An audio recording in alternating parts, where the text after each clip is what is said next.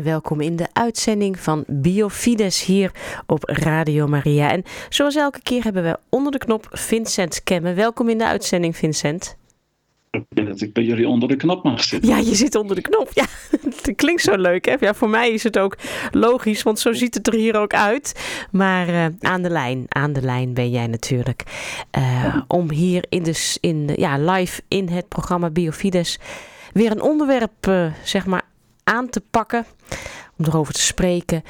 Wat jou is opgevallen van de week? Ja, het was eigenlijk dus die kwestie van de abortuswetgeving in de Verenigde Staten. En met name in de staat Alabama. Mhm. Waar eh, men dan spreekt van een, in de media, zeg, heeft men een hele strenge abortus. Streng, dat woord, eh, daar houden de mensen ons van gestrengheid te, te of mensen dat zo blij zijn met abortus. En uh, ik, de luisteraars weten misschien dat ik werk veel met artsen op het wereldtaal. Dus ik zit in een uh, federatie van katholieke artsen wereldwijd. Uh, voor dat, met een Belgische voorzitter en een, dat zit in het Vaticaan. We gaan daar ook binnenkort weer naartoe. Maar als je ziet, daar kom ik in aanraking met de katholieke organisatie van de Verenigde Staten.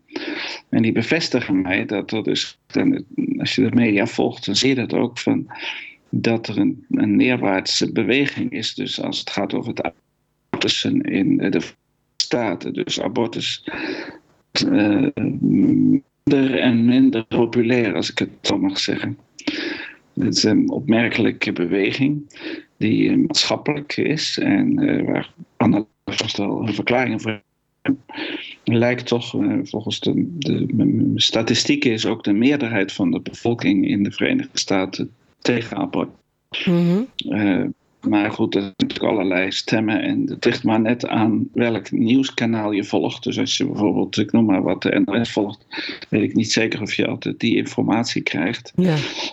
Um, of een gemiddelde krant in Nederland. Maar uh, ik, de Katholiek Nieuwsblad zal daar een ander toontje, een deuntje in blazen. Mm -hmm. Maar dus er is sprake van een uh, steeds meer terugnemen van het aantal abortusklinieken in de Verenigde Staten. Van vragen om abortus.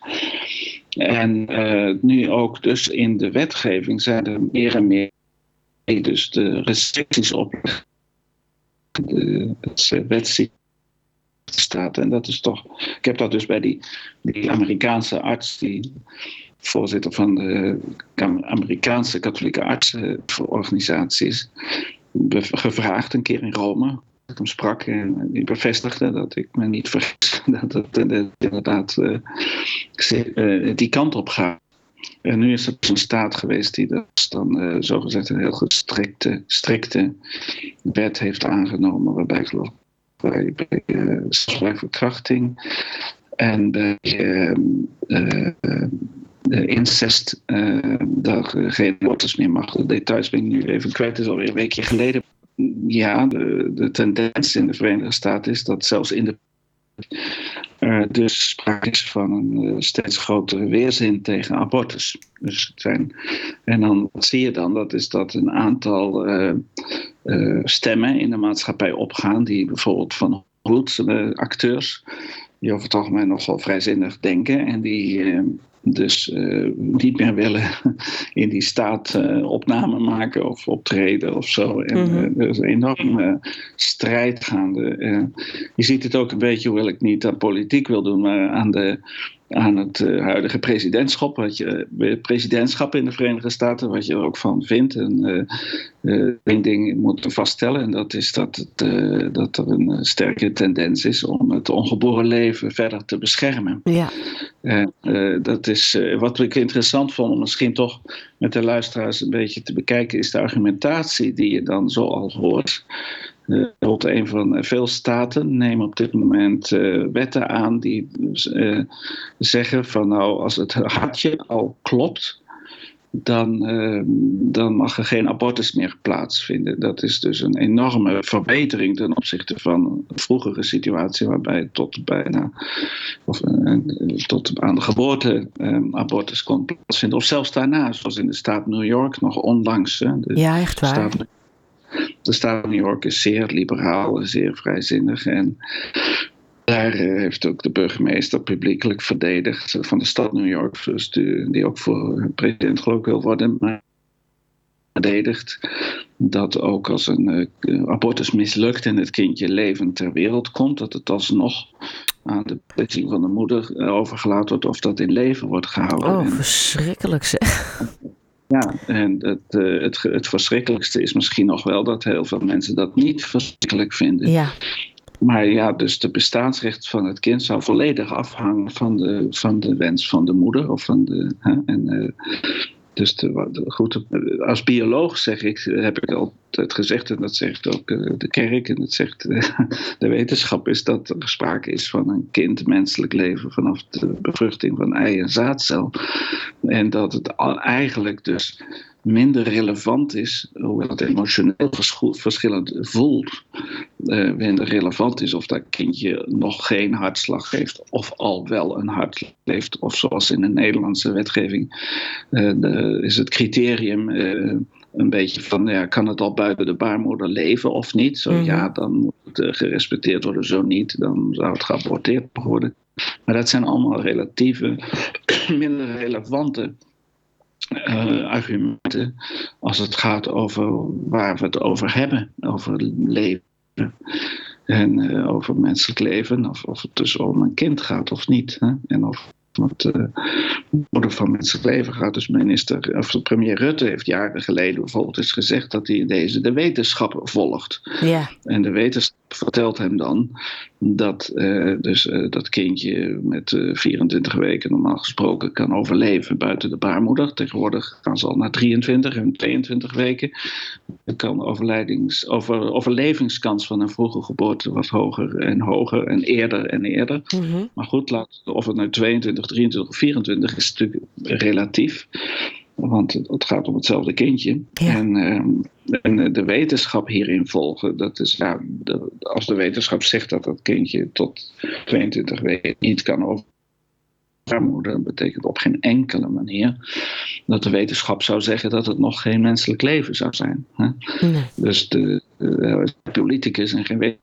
Dus ik begrijp dat hij uh, niet alles misschien begrijpt. Maar, fijn, het is interessant, denk ik, ook voor de luisteraar om die argumentaties dus tegen het licht te houden. Van ja, wat, wat, hoe redelijk is dat nou eigenlijk? Hè? Misschien nog een andere opmerking gaat over het woordje streng. Dat heb je heel vaak uh, als een verwijt, als wij streng zouden zijn, als we als christenen, als katholieken als we tegen abortus of euthanasie zouden zijn, hè, als we dat zijn, dan vindt men ons streng. Ja. Uh, en dat is toch wel iets waarvan je dan een beetje beroerd voelt van oei, ben ik een strenge katholiek. Mm-hmm. Ja, ja. en dat voelt niet prettig hè, om zoiets te horen te krijgen. Ik voel me overigens ook niet streng, maar uh, de vraag is natuurlijk, ik draai het de laatste tijd wel eens om, van is het niet streng uh, om uh, bijvoorbeeld een, een, kindje dat ongewenst is te straffen door het van het leven te beroven. Hè? Of Ja. een kindje dat gehandicapt is eh, van het leven te beroven. Ik, ik- het is zo waardig dat we soms eh, woorden naar ons hoofd geslingerd krijgen. Eigenlijk, eh, ik wil ze niet terugkaatsen, zo van eh terugkatapulteren. Mhm. Dat is niet mijn, niet mijn mentaliteit. Maar tegelijkertijd, als je tegenhoudt, is het natuurlijk veel strenger om een, eh, een mensenleven eh, bestaan te ontzeggen Ja, ja. eh, dan bijvoorbeeld moeders, met alle respect voor moeders, eh, het recht te ontnemen om een kindje van het leven te beroven. Ja, Wat ja. is nu strenger? Ja, Eh. Nou, ik, ik moet zeggen, de reacties in Amerika, ik heb ook er wel een paar van gezien, dat bijvoorbeeld eh, vrouwen die voor abortus zijn, echt zeggen van nou, en het is een gevaarlijke tijd nu om in Amerika te leven. Maar er wordt nooit vanuit het kind gesproken. En dan, dan- Nee, maar dat het is- dus nog geen kind blijkbaar, ja, tenzij het is en in gepland is en in de wieg en, uh, tot geworden, dan mag het een kind zijn en dan mag het, uh, heeft alle rechten. maar als er minder uitkomt of omstandigheden, et cetera, en, of als er een ziekte is of genetische aanleg voor een ziekte zelfs al, waarbij het alleen maar over statistiek gaat, de Ja. kans op een Ja, ja. ziekte. Dus dat moet nog blijken. En eh, dan wordt het opeens. eh, en dan, ja, dan vind ik het, eh, dat een uitermate, als, als ik het woordje streng nog eens mag noemen. Ja.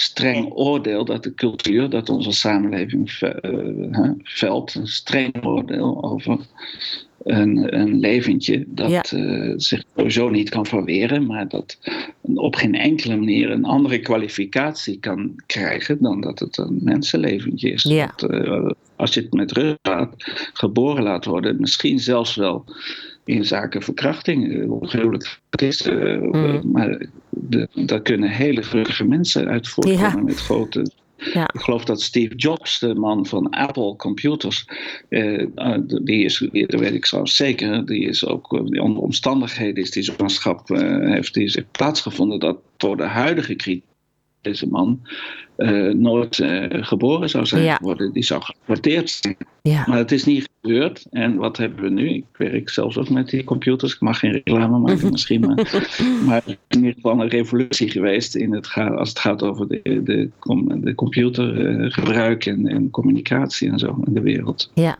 klopt. Ja, het is wonderlijk hoe inderdaad eh, er vanuit maar één kant ge- gekeken wordt soms.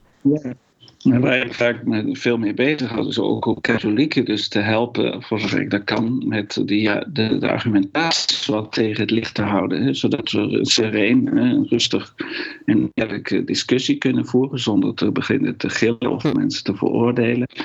En dan bijvoorbeeld eh, een veel gehoord argument in de Verenigde Staten, het meest gehoorde argument is dat de vrouw recht zou hebben over te beschikken over haar lichaam. Mhm. Dat is ook een wonderlijk argument. Ik, veel luisteraars zullen het al begrijpen. Voor moet ik het niet eens uitleggen. Maar, maar dus het idee dat, dat eh, het eh, vruchtje in de moederschoot. eh, dat dat het lichaam van de moeder zou zijn. is wetenschappelijk, natuurlijk biologisch gezien, natuurlijk volkomen absurd Ja, komen onverdichtbaar. Dus het is voor mij vaak moeilijk te begrijpen. Hebben die mensen niet opgelet op school tijdens de biologielessen? ja, dat je, dat je zulke onzinnige dingen kunt eh, serieus zeggen en van totaal van de waarheid. En eh, dat is eigenlijk triest om te zien. ja, De uitdaging is om hoe kunnen we nu in onze cultuur, in liefde, mensen die die gedachtenmolen uh, zonder ze te veroordelen, zonder boos te worden, zonder met respect voor die persoon. ja, Iedereen heeft het recht om zich te vergissen en af en toe een verkeerd standpunt te hebben. Daar willen we ook niet moeilijk over doen, zeer. Ja, maar hoe kun je nu toch uh, in. Uh, nou, ik denk dat je daarvoor moet, moet uh, begrijpen waar de visie van de ander uh, klopt en niet klopt, hè, maar waar het maar om wat gaat. En dan bij gelegenheid misschien daar het licht laten schijnen. En, ja, precies. Ja. ja, dat zeg je mooi, het licht laten schijnen. Van, uh, ja. Ja, ja, op de, ja, het en, leven.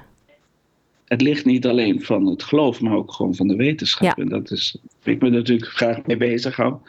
Dat uh, ja, ja, geloof bevestigt aan alle kanten.